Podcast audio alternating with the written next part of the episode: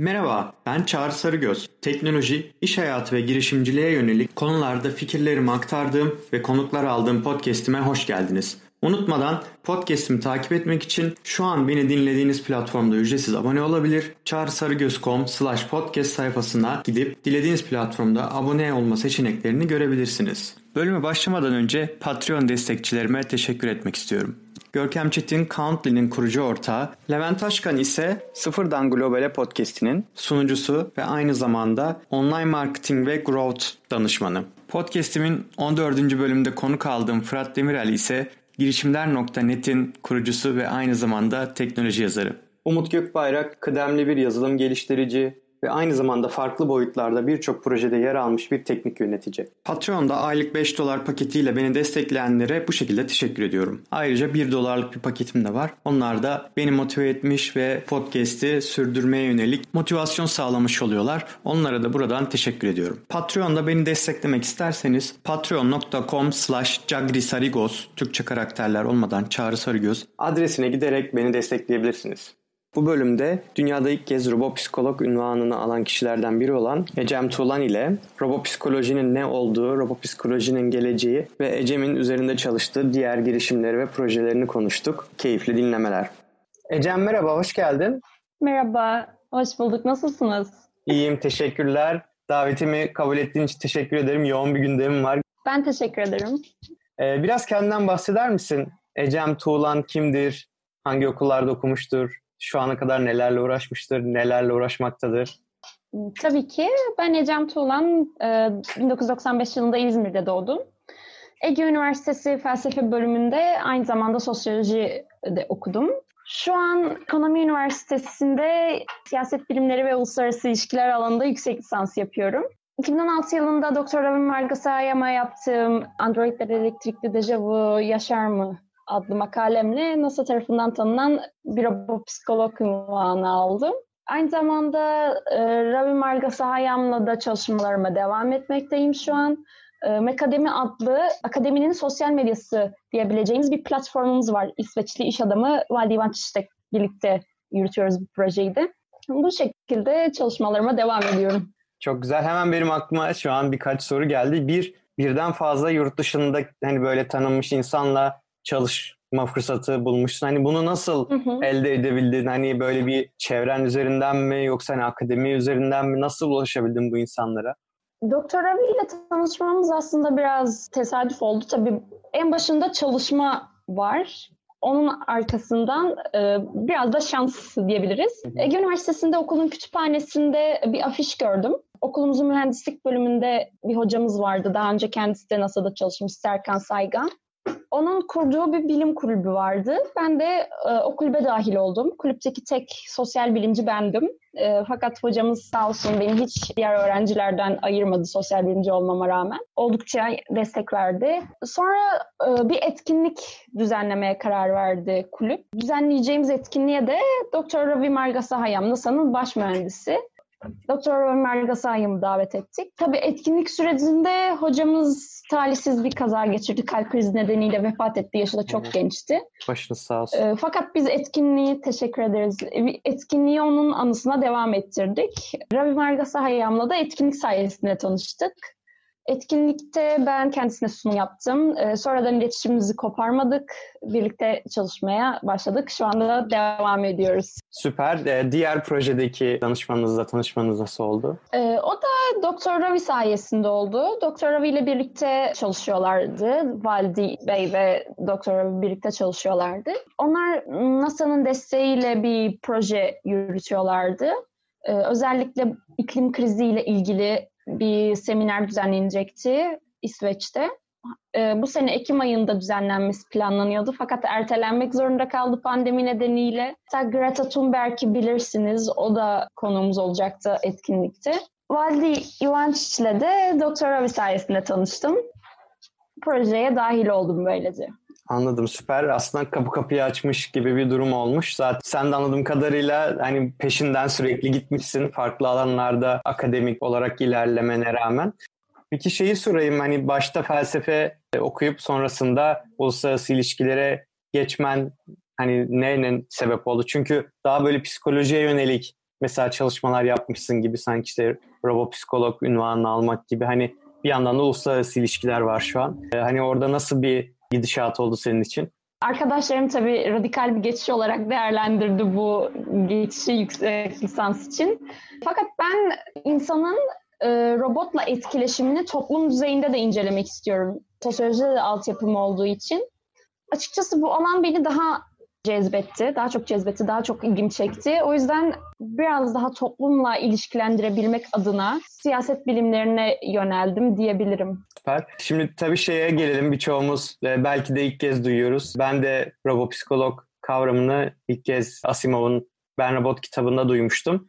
E, ve hani çok sevmiştim o kitabı da hani o robopsikolog rolündeki işte e, başroldeki işte hanımefendinin hikayesi çok benim hoşuma gitmişti. Hatta işte sonrasında da sana da bahsetmiştim. İşte kızım Duru'yu da ileride robopsikolog olacak benim kızım falan diyordum böyle o kitap okuduktan sonra. Şimdi ben hani şeyi merak ediyorum bu robopsikolog ünvanı alma sürecin nasıl gerçekleşti ve hani robopsikolog ne iş yapar? Yani nelerle ilgilenir? Zaten çok yeni bir alan. Hani böyle daha tanımı çok oturmamıştır tahminimce. Ama işte bu bir şekilde oluşmaya başlıyor. Bundan biraz bahsedebilir misin? Tabii ki. Ben robot psikolojiyi şöyle düşünüyorum. Yani şu an mevcut olan meslekler sınırlarında tanımlayamayacağımızı düşünüyorum. Çünkü bir şekilde bir mühendislik alanı değil, bir psikiyatri alanı değil. Yani keskin sınırlar yok ama interdisipliner bir alan diyebiliriz.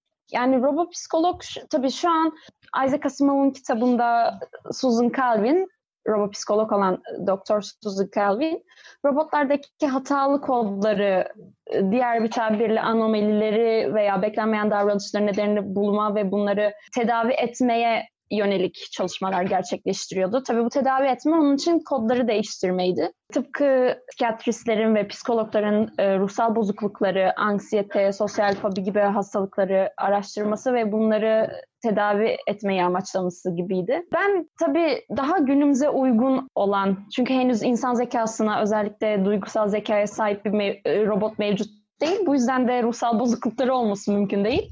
Ee, bir şekilde e, bir robot psikolog olarak insan robot etkileşimi ve robot robot etkileşimini teorik alanda inceliyorum. Ee, daha tabii araştırma ve işte makale, okuma, yazma gibi alanlarda ilerliyor bu. Ama tabii ileride neden pratik alana da taşımayalım? Bilmiyorum, evet özellikle son yıllarda e, derin öğrenmenin hızlanmasıyla birlikte Hani mesela insan üretimi yazıları mesela okuyor derin öğrenme algoritmaları ve sonra insanmış gibi yazılar yazıyor ve bu yazılarında böyle işte çok fazla biased şeyler olabiliyor.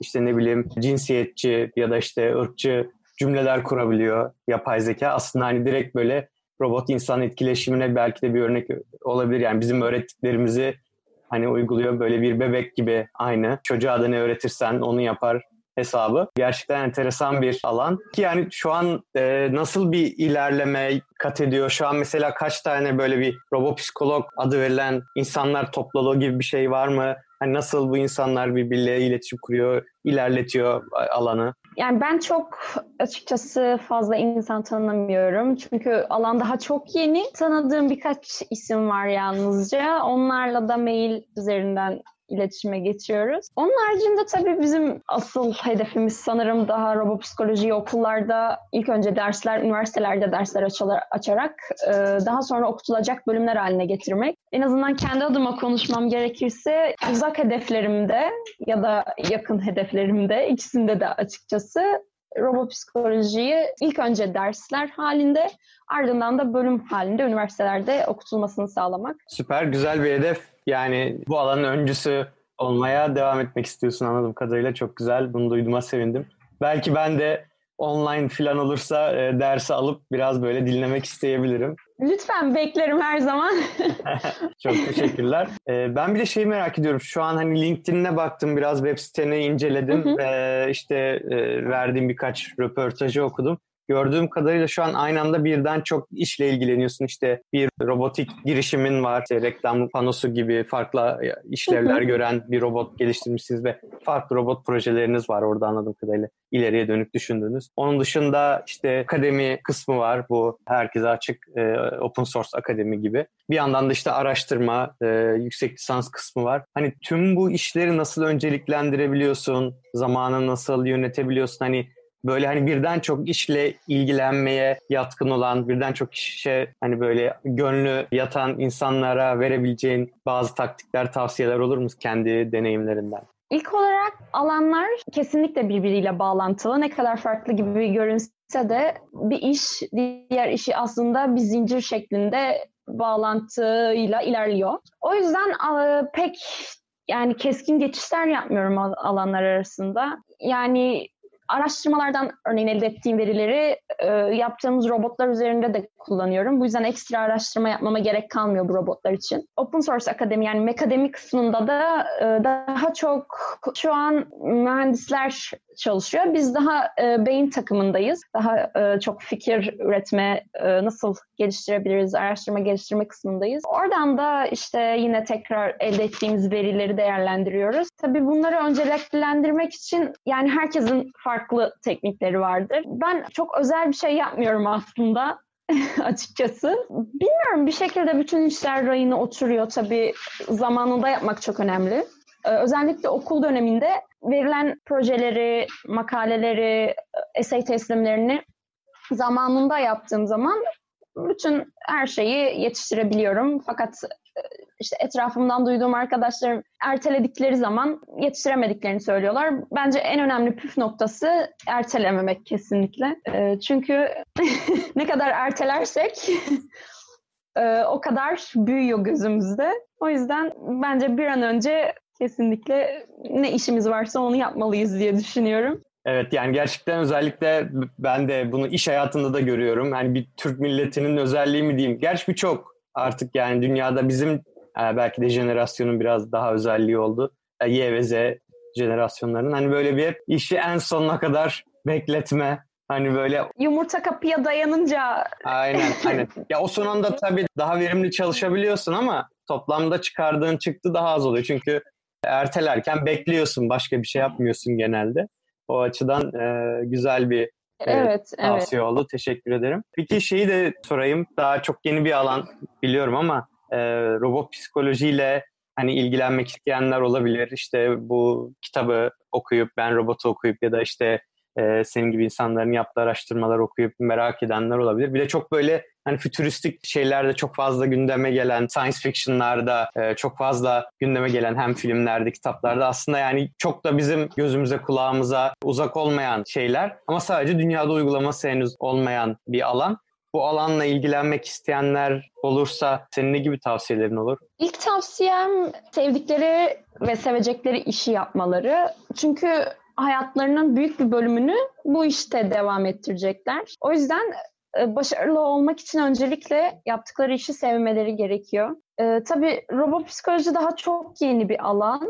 Ee, yeni olduğu için de pek fazla verisi yok. Yani araştırma yaparken özellikle veri bulmakta zorlanıyoruz. Ee, böyle olduğu zaman da kendimiz bir şeyler ortaya çıkarmaya çalışıyoruz. Bu yüzden farklı gibi görünen, aslında hiç alakası olmayacak gibi görünen alanların e, arasında bağ kurmaya çalışıyoruz. Yani yaratıcı düşünmek çok önemli bu alanda. Yani bu yüzden ben felsefe okumalarını tavsiye ediyorum açıkçası. Çünkü felsefenin keskin sınırları ve kesin bir sonucu yok. Sürekli insanları düşünmeye ve farklı şeyler düşünmeye itiyor. Ee, bu yüzden de felsefe okumalarını ilk başta tavsiye ediyorum. Tabii farklı bölümlerden de elbette geçiş yapabilirler. Önemli olan kendilerini geliştirmeleri, yeniliklere açık olmaları. Çok teşekkürler öneriler için. Şimdi sorularım benim genel olarak bitti. Ee, son olarak sana şeyi sorayım. Herkese sorduğum soruları geçmeden önce. Senin ayrıyeten eklemek istediğin, söylemek istediğin bir şey var mıdır? Yok şu an aklıma gelmiyor. Tamamdır. Çok teşekkürler. O zaman son sorularıma geçeyim. Ee, ilki bizi dinleyenler seni nereden takip edebilir? Hangi kanaldan sana ulaşabilirler?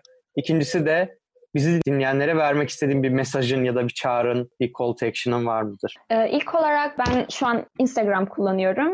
Twitter'da kullanıyorum fakat çok aktif değilim Twitter'da. Ecem Tuğlan adıyla bulabilirler. Aynı zamanda LinkedIn'de de aynı şekilde iletişime geçebilirler. Onun haricinde bir de Akademi var. İyi olurlarsa çok sevinirim. Daha çok orada vakit geçiriyorum çünkü. Daha çok iletişim halinde olabiliriz. İletişim kanallarımız bunlar.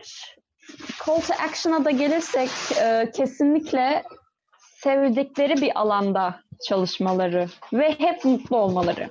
Çok güzel, teşekkürler. E, çünkü bu dünyada e, çok fazla sevmediği işi yapmak zorunda olan insan var ve keşke bunlar olmasa ama e, maalesef yaşam şartları gereği birçok insan istemediği işlerde çalışmak zorunda kalıyor ve bu yüzden de mutsuz bir hayat geçiriyor.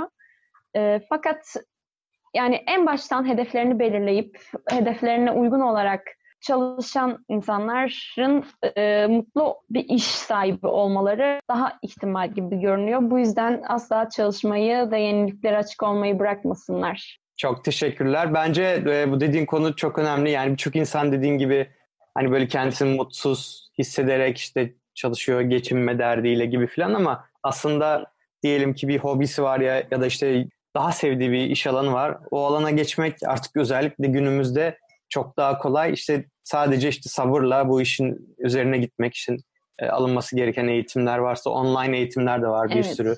Hani orada zaman ve emek harcamak önemli olan. Kesinlikle biraz da cesur olmak gerekiyor. Aynen aynen. Ben mesela kendi kariyer geçmişimi düşünüyorum. Hani ne kadar doğru yanlış yaptım bilmiyorum ama işte şu an Kuşadası'nda yazlıktan çalışıyorum. Normalde işte devlette çalıştım, savunma sanayinde çalıştım. Hala o firmalarda olsaydım şu an muhtemelen hani böyle aman korona kaptım mı kapacağım mı diye korku içindeydim. Çünkü e, çoğu hala ofisten çalışıyor. O bıraktığım firmalar hani bir şekilde öyle denk geldi. Peşini bırakmadığın sürece hani bunun çok bir yaşı da yok bence. İşte 35 yaşında da yaparsınız, 45 yaşında da yaparsınız bunu. O açıdan bence çok önemli. Çok teşekkürler Ecem e, zamanını ayırdığın için. Ben çok teşekkür ederim. Umarım daha güzel haberlerini de görürüz. Ee, ben bir gazeteden görmüştüm, gazete haberinden. Umarım daha böyle e, ulusal ve uluslararası medyada da adını daha çok duymaya devam ederiz. Çok teşekkür ederim size davetiniz için ve tüm dinleyenlere. Ee, ve Duru'ya da çok selamlar. Umarım e, büyüdüğünde bu podcast'i dinlerken az önce bana en salladığı anı hatırlar ve her zaman hayallerinin peşinden koşacak gücü ve cesareti kendisinde bulur. Bir kadın olarak özellikle. Aynen çok teşekkürler. Ben de Duru'ya dinleteyim bunu. Daha ileride de dinletirim. çok teşekkürler. Çok güzel bir mesaj oldu. Teşekkür ederim. Dinlediğiniz için çok teşekkürler. Eğer bölümü beğendiyseniz sosyal medya hesaplarınızda paylaşmayı, özellikle ilgilenebileceğini düşündüğünüz arkadaşlarınız varsa bu arkadaşlarınızla da paylaşmayı unutmayın. Bir sonraki bölümde görüşmek üzere.